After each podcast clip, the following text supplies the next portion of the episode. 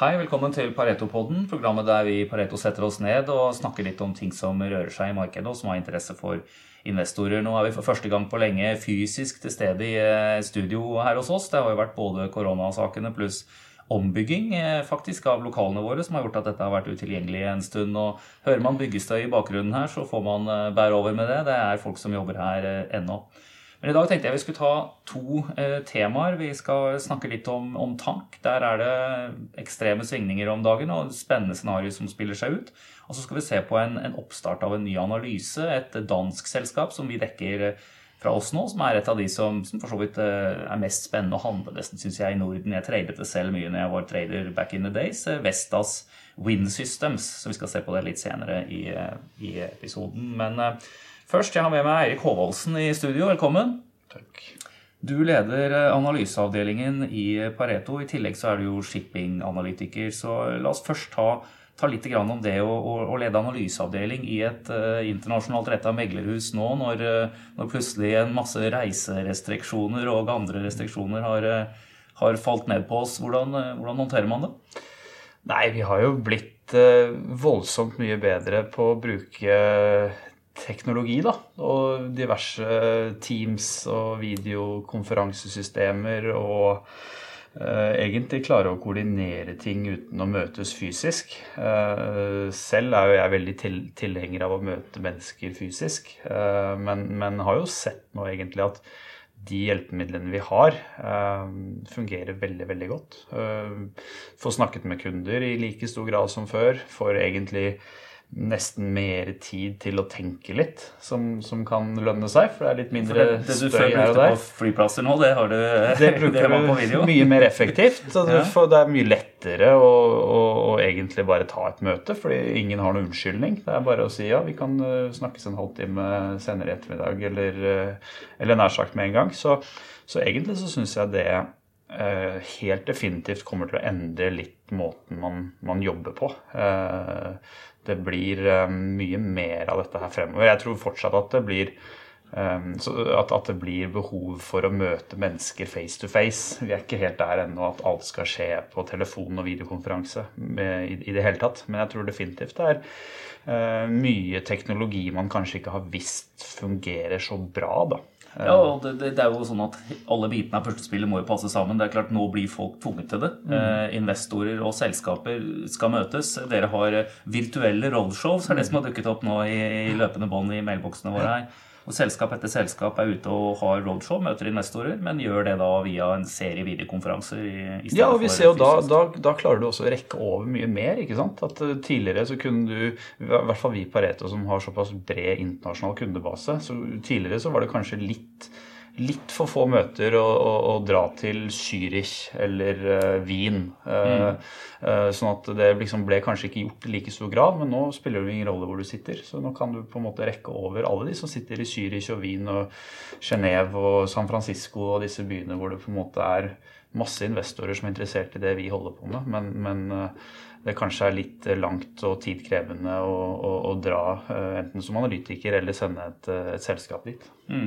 Og det, det, er jo litt som, Særlig som analytiker, for analytikerne har jo roadshows også, så, så, er det jo ofte at man møter selskaper, møter, møter investorene mange ganger. Mm. Eh, og da er det kanskje det første møtet er vel det som er naturlig å gjøre fysisk også mm. i fremtiden, mens alle disse follow-up-møtene er, er, jo lett å gjøre. og Man slipper å bli svett i dressen rundt i London Absolutt. også, skal man i trafikken ja, ja. der Nei, mellom de ulike fondene. Og, og, ikke minst når det er rapporteringssesong for selskaper. Det er jo, vi, vi, vi eh, snakket med internt på, på, Analyse hos oss, det er jo alltid overraskende hvor mange av selskapene våre som klarer å rapportere samme dag som naboen. Eh, som på en måte man burde klare å unngå når, når det er en måned. Men, men, eh, så du må fly fra presentasjon til presentasjon og egentlig ikke rekker å få sett og tallene og tenke og, og ikke minst snakke med folk om det. Eh, der også har man sett at er, ting er mye mer effektivt. Mye lettere. Så vi aner konturene av at det blir et litt annet arbeidsmønster fremover. Men, eh, men så til, til kanskje det som som er mest spennende å snakke om nå for eh, Ja, du dekker jo hele shipping space, og vi kunne bli sittende her resten av dagen hvis vi hadde mm. tatt eh, alt dette. Jeg vil bare igjen nevne at eh, vi utgir en publikasjon, veldig populær hver eneste dag. Shipping Daily. Kommer jo daglig, derav, derav navnet. Og Der er det jo oppsummering av hva som har skjedd den siste dagen i sektoren. Og det er også linker til alt som kommer av analyser og newsflashes og, mm. og mer selskapsspesifikke kommentarer der. da, Men Men, men, men tank. Mm. Altså, vi så jo et voldsomt fall i oljeprisen. Vi hadde Nadia inne på en, uh, vår oljeanalytiker inne på, på podkast her for noen uker siden. Og vi snakket om det ekstreme fallet hvor oljeprisen gikk til, til, til negativt. Og den andre halvparten av det, the flip side of the coin, er jo at, at uh, tankere og alt som kan brukes, nesten, har blitt brukt som, som flytende lager. Mm. Eh, hvordan ser vi dette her spille seg ut nå? Det er som du sier, det har vært en, en, en voldsom volatilitet og store svingninger. Og, og, bare for å begynne året, ikke sant, så, så, var jo egentlig året litt skuffende. Fordi man så begynte å se at uh, koronaviruset ganske tidlig gjorde at etterspørselen etter olje falt. Uh, og så kom jo da uh, Da forventer man at, som, som det nær sagt alltid skjer, at, at, produsentene skal tilpasse seg, OPEC skal tilpasse seg. Så skjedde jo ikke det i starten av mars. ikke sant, og Det var startsignalet for en voldsom et voldsomt fall i oljepris og, og en, en, en, sinnssyk bølge da, både for, for tankrater og tankaksjer. Eh, og så har jo dette her gått litt frem og tilbake, da, hva man skal gjøre. Hvordan, skal, hvordan de skal klare å tilpasse um, tilbudet til etterspørselen. Og egentlig det siste vi ser nå, og ratene har vært fantastiske. Første kvartal var fantastisk etter at fjerde kvartal var bra, og andre kvartal blir enda bedre. Men det er klart det man har sett nå, konturene av kanskje de siste to ukene, er jo et scenario der oljeprodusentene nok er villige til å kutte litt mer. Eh, du ser at amerikansk oljeproduksjon faller raskere enn det man trodde, som, som, også er på en måte oppløftende for OPEC. Eh, samtidig som etterspørselen begynner så smått å komme tilbake, og kanskje kommer tilbake litt raskere enn det man hadde fryktet også. I går kom det jo ytterligere et eh, betydelig kutt fra Saudi-Arabia. Ytterligere en million liksom nå inn i juni i forhold til hva de har signalisert tidligere. Så, så det er klart det, det monner. Ja, altså du kan jo begynne når du begynner nå å se på på en måte juni kontra april, så er det klart det er et dramatisk fall i, i oljeproduksjonen i Saudi-Arabia. Og det, det, smitter over på tank.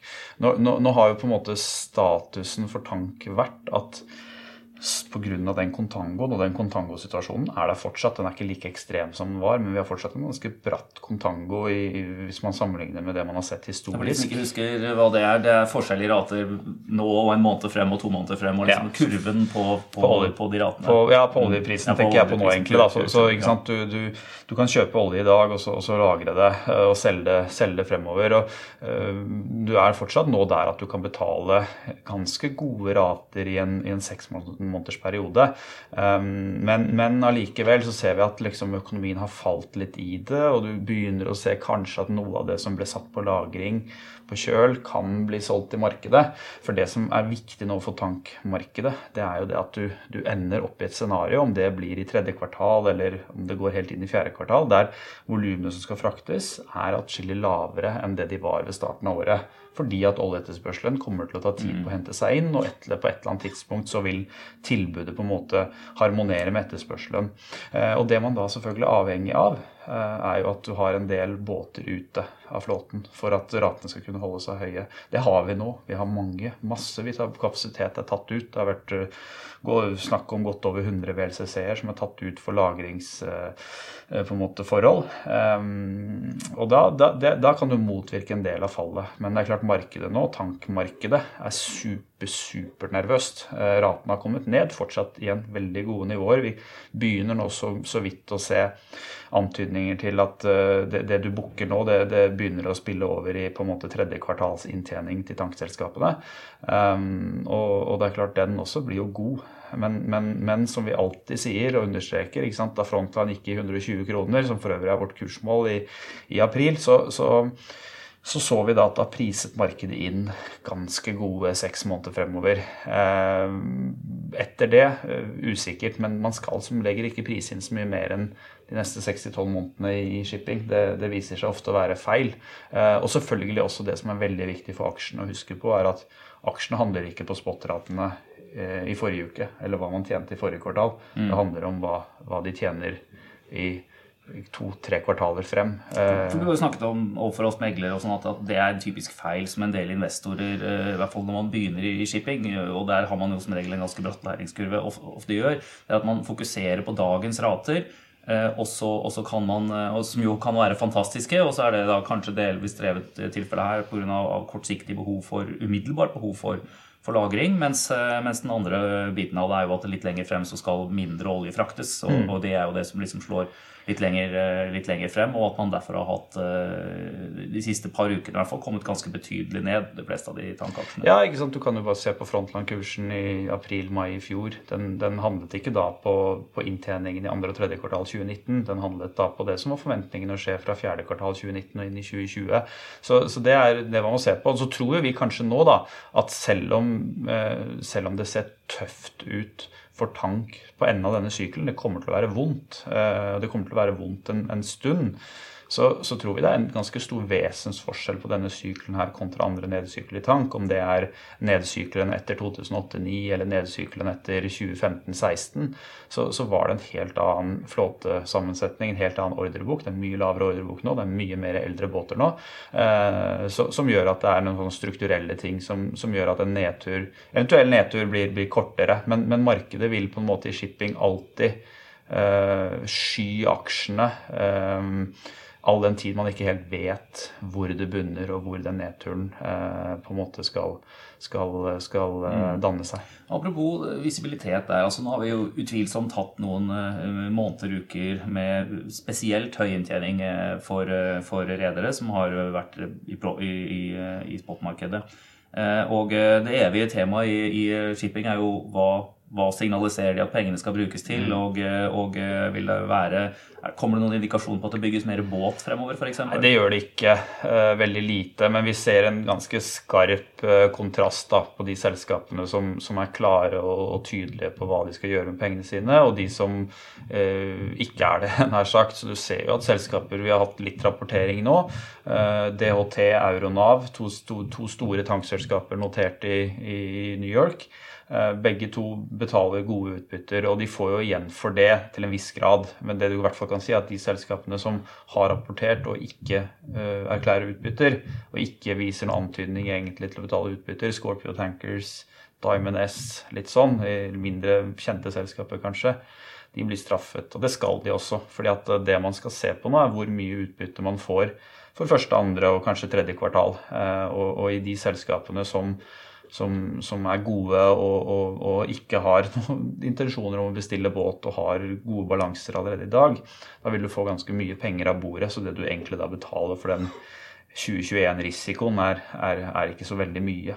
Eh, så det blir nok viktig for selskaper som Hunter og Okianis her i Norge, de små mm, mm. nye miniputtene, eh, tror jeg, å, vise intensjonene sine og vise at, eh, at, her skal pengene tilbake til aksjonærene, ikke inn i noe mer. Og vi skal ikke liksom bygge et et empire, som det så fint heter på engelsk, for å være trygge gjennom alle mulige sykler. Her, her skal vi betale ut det vi tjener til våre aksjonærer som har vært tålmodige. Mm, ja, nei, Det er et spennende story det der som er stor interesse av eh, blant mange i, i Norge. Det er, eh, og for så vidt internasjonalt i den sektoren. Det er utvilsomt. da. Jeg sier tusen takk til eh, Erik Håvaldsen. Skal ned igjen og, og rigge litt flere roadshows, bl.a. et med neste gjest, som jo skal inn og snakke om, om Vestas, som er en av de vi tar opp analyse på. Kanskje avslutningsvis noen, noen kommentarer. Altså, det begynner å bli en økende andel også på Oslo Børs, eller i det spacet vi dekker, av, eh, av selskaper som jobber offshore, men som ikke jobber med olje. Mm. Det er interessant. Det er veldig interessant. og Det er klart det er noe vi har sett konturene av. At Norge har eh, ekspertise på offshore. Og eh, det trenger ikke ha noe med olje å gjøre. Når for eksempel, vi, vårt, vårt oljeserviceteam heter jo ikke lenger oljeservice, dette er energiservice. Uh, uh, og, og, både vindprodusenter og andre, andre uh, alternative energikilder som, som, har med offshore å gjøre, det, det, kommer vi til å se en stor vekst i på Oslo Børs. Og interesse for blant investorer i Norge også. Vestas er jo et flott eksempel på det. Danskene er jo egentlig foran oss på, på vind. vi har Bonør i Norge, og så har vi Vestas og Ørsted, som jo er et fantastisk dansselskap som, som også um, må dekkes fra, fra, Norge for vår del eh, så fort mm. som mulig. Ja, altså Der er jo analytikere som, som, kjenner kan du si, eh, businessen offshore og verdikjedene der. Det er mange av de samme spillerne. Mange av de har, for mange av de så har det vært en, en relativ endring. altså Det er ikke noe de har begynt med det siste året. Det, det, det er ting som har endret seg i størrelsesforhold på, i virksomhetsområdet over tid ettersom Ja, nei, er jo, Der er jo Bonør ikke sant? fantastisk eksempel. Vi, vi satt jo og dekket Bonør for for ti år siden her i Pareto og syntes det var synd at de brukt alle de gode riggpengene sine på, på å vokse innenfor vind. Det var tåpelig. Nå er det litt uh... Nå er det, Akkurat det bildet har endret seg ganske dramatisk, eh, men, men, eh, men det er klart, det er, det er, sånn det er. Er det noe man lærer seg i aksjemarkedet, både som investor og som analytiker, og, og ofte som selskap, så er det å være litt ydmyk når det gjelder å spå om fremtiden? Nettopp. Flott. Da skal vi hoppe videre her. Da har vi gjort et lite sceneskifte i studio. Vi har fått inn ny gjest. Eh, Bård Råsef, du og en til på energiteamet har eh, sittet lenge og, og regna på et eh, for oss ja, nytt case. Eller vi har, har, fulgt det lenge, men ikke hatt dekning, offisiell analysedekning på det lenge. Vestas Wind Systems. Det er jo en av de største og mest likvide, altså mest handlede selskapene på den danske børsen. Eh, og en verdensleder innenfor eh, vindkraft, ikke sant. Så um, det er, det er, det er jeg syns det er veldig spennende, fordi når jeg var trader back in the days, så, så handla jeg mye Vestas fordi det nettopp var store svingninger der, og fordi aksjen var fin og likvid, og, eh, og hadde internasjonale peers som var naturlig å sammenligne med. og liksom det, var, det var en del ting som, som, var av det jeg likte når jeg drev og skulle, skulle trade, og mye av de samme egenskapene er jo på selskapet definitivt fortsatt, men, eh, men eh, for energianalytikerne våre så er det jo det fundamentale fokuset som er viktig. Bård, velkommen i studio, og, og, eh, du får ta oss litt gjennom eh, Vestas. Takk for det. Eh, nei, det er jo som du sier, det er et selskap som har vært der en stund.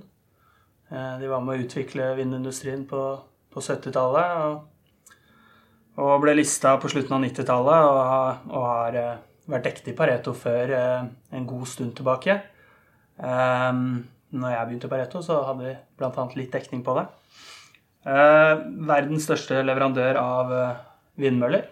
Mm. Eh, leverte omtrent 35% av alle vindmøller utenfor Kina, hvor de holder på litt med sine egne greier over de siste, siste par årene. Og, og, inntekten har jo Altså market capen her er 120 milliarder danske kroner ca., så er et ordentlig, ordentlig stort selskap. Ordentlig um, mm. Og, og årlig eh, omsetning er omtrent 14 milliarder, milliarder, euro. Eller du har en EV Sales da, på rundt 1. Mm. Um, give or take.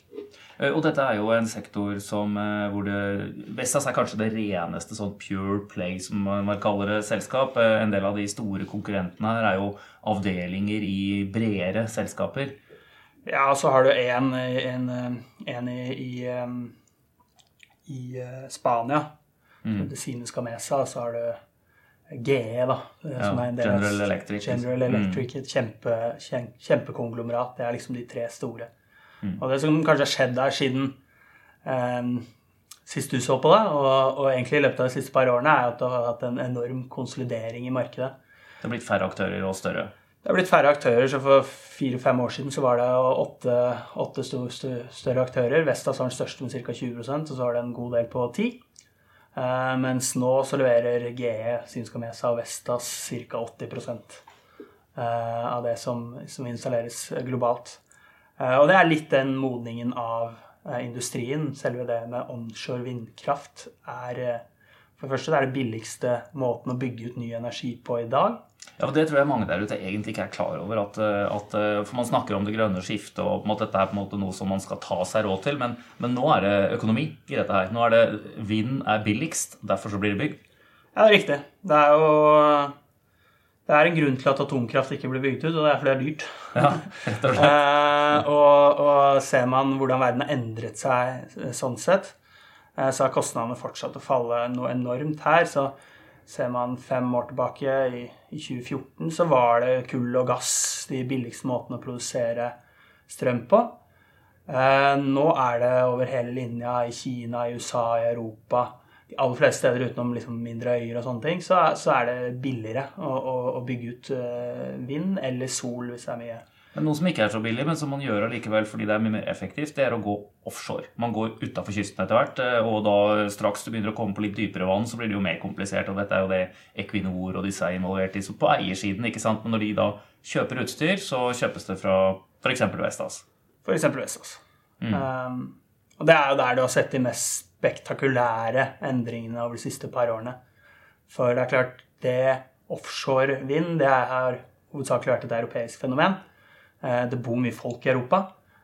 Folk vil helst ikke ha vindmøller i hagen sin. Og f.eks. Belgia har store havområder hvor det er ganske grunt og fint i, i Nordsjøen. Mm. Så, så er, du har en mulighet for det. Og, men for tre, fire, fem år siden, veldig kort tid siden, så fantes ikke offshore vindmøller. Du brukte i hovedsak onshore design. De mm. største designene onshore. Det fantes egentlig ikke noen spesia, spesielle eh, plattformer man hadde på. Du brukte det du kunne fra olje- og, og, og gassbransjen. Eh, og det har jo Spesielt turbinen har jo da tredobla seg i størrelse eh, i snitt over de siste fire årene. Eh, Samtidig som du da får Du trenger ikke å bygge plattformen så mye større. Eh, du kan bygge billigere plattformer, for det er egentlig mer manufacturing. Du skal lage 100 små plattformer, ikke én stor. Mm. Eh, så det er en Du har hatt en del god del å gå på, og du har fortsatt en god del å gå på. Så det var kostet i norske kroner da, eh, en total energikostnad på kanskje 1 krone og 50 øre tilbake i 2016. Ja. Nå er det subsidiefritt i Tyskland og Nederland hvis man får grid connection av myndighetene. da. Ja, hvis du får kobla det til nettet. ikke sant? Hvis de betaler for, og, for uh, det. det. får bli fokus på et, et, et mm. annen pod en gang, men mellomleddet her, som jo forskes mye på, som gjøres mye på, er jo batterier og andre form for energilagring. For å kunne veksle ut altså Eksempelvis offshore, altså blåser jo gjerne om, om uh, morgenen og om kvelden. eller altså det, det, er perioder av dagen hvor det pga. sol og vind Eh, blåser mer enn ellers eh, og jevnere, men, eh, mens det i andre perioder er mer stille. ikke sant? Og det å få jevnet dette ut ved hjelp av, av lagring av energien man produserer, er jo et stort tema. Det er et kjempetema, og vind og sol er det billigste du kan bygge ut. Men produksjonen er unpredictable mm. og, og, veldig volatil, og ikke tilpasset etterspørselen. Så eh, det er ikke noe problem når det er en liten del av av hele totalsupplyen, men sånn som i f.eks. Tyskland, så ser man negative strømpriser til tider. for når det blåser, så produserer du eh, vind og sol. Vi har jo sett eh, negativ oljepris nylig også, så det, ja. det, det, det er jo for så vidt en beslektet problemstilling. Det er ikke så lett å få lagra det. ikke sant? Sånn at uh, Sitter du med for mye på spesielle tidspunkter, så, så, så, får man betalt for å ta det unna. Olje har man egentlig tenkt at det er lett å lagre. da. Ja, det er jo, det er jo Oljens store fordel er jo, er at det er energitett og lett å transportere. men Strøm er ikke mulig å lagre. Nei. Nei, det har vært, eh, Så det der er et interessant tema. Men, eh, men et, eh, et, viktig poeng i analysen av Vestas også er jo nettopp dette her at den installerte base, som man kaller det, altså antall møller som står både offshore og på, på land, eh, vokser. Og med det vokser serviceinntektene og replacement-inntekter og alt sånt også, som andel av Vestas sine totale. Det gjør det. Og i motsetning til da den kall det nye installasjonsaktiviteten, som går litt opp og ned, så er det jevnere og på en høyere margin. Mm. Eh, som vil jevne ut de store svingningene man ser i inntektene gradvis i selskaper som Vestas. For Det er vel egentlig nesten så enkelt at altså, hvis du som Equinor eller et stort selskap hvis du, hvis du kjøper en mølle fra Vestas, ja. så er det veldig lett å ha produsenten til å utføre service på de også. Det er, liksom, det, det, det, er fall, det er, jo sånn man ofte tenker selv når du gjør en installasjon hjemme. At du, du vil helst ha eh, de som, eh, som lagde utstyret. Ja, og så måler Vestas så enormt mye data over hele verden på alle slags vindmøller. De er klart størst på dette i hele verden. De På ca. 15% av alle vindmøller globalt så måler de hvert tiende sekund eh, hvordan ting utvikler seg. Og det er klart da, det gir de i dagens um, samfunn med, med, big data og de mulighetene de gjør, det, mm. det gir, så gir de muligheten til å tilpasse produksjonen til nettet veldig effektivt ved hjelp av værmeldinger direkte. Uh, det gir deg muligheten til å gjøre vedlikeholdet akkurat når du skal gjøre vedlikeholdet, fordi du kan forutsi mer mm. når det er slitasje. Så, så, de har en helt enorm kompetanse, uh, og uh, det er mye av den, det som også driver Eh, designe av disse møllene videre. Eh, den big data-biten av det. Eh, så det er det vi ser på som største selskapsverdien i Vestas. De har jo Det er en bransje hvor økonomien for de små spillerne har vært presset. De har gått konkurs, mens Vestas klarer å tjene penger. Mm. Så det er veldig veldig store fordeler av å være stor. Det er veldig, just, sånn som bransjen er blitt nå, så, så, må det nesten være et sånt selskap som Vestas som gjør at de har samtidig som du har hatt høye marginer, vunnet markedsandel hvert år de siste fem årene. Mm. Så hvis vi ser et totalmarked som vokser, og som har i løpet av de siste årene passert en uh, milepæl, at det nå er uh, subsidiefritt lønnsomt i, ja. i, stadig større grad. Du har en servicegrad som, uh, som vokser. du har data som er verdifullt for Vestas. Og du har jo for så vidt at dette scorer jo over hele kartet når det gjelder ESG og den type ting og miljøinvesteringer. Så, så da skal man jo spørre seg er det dyrt. Er det for dyrt?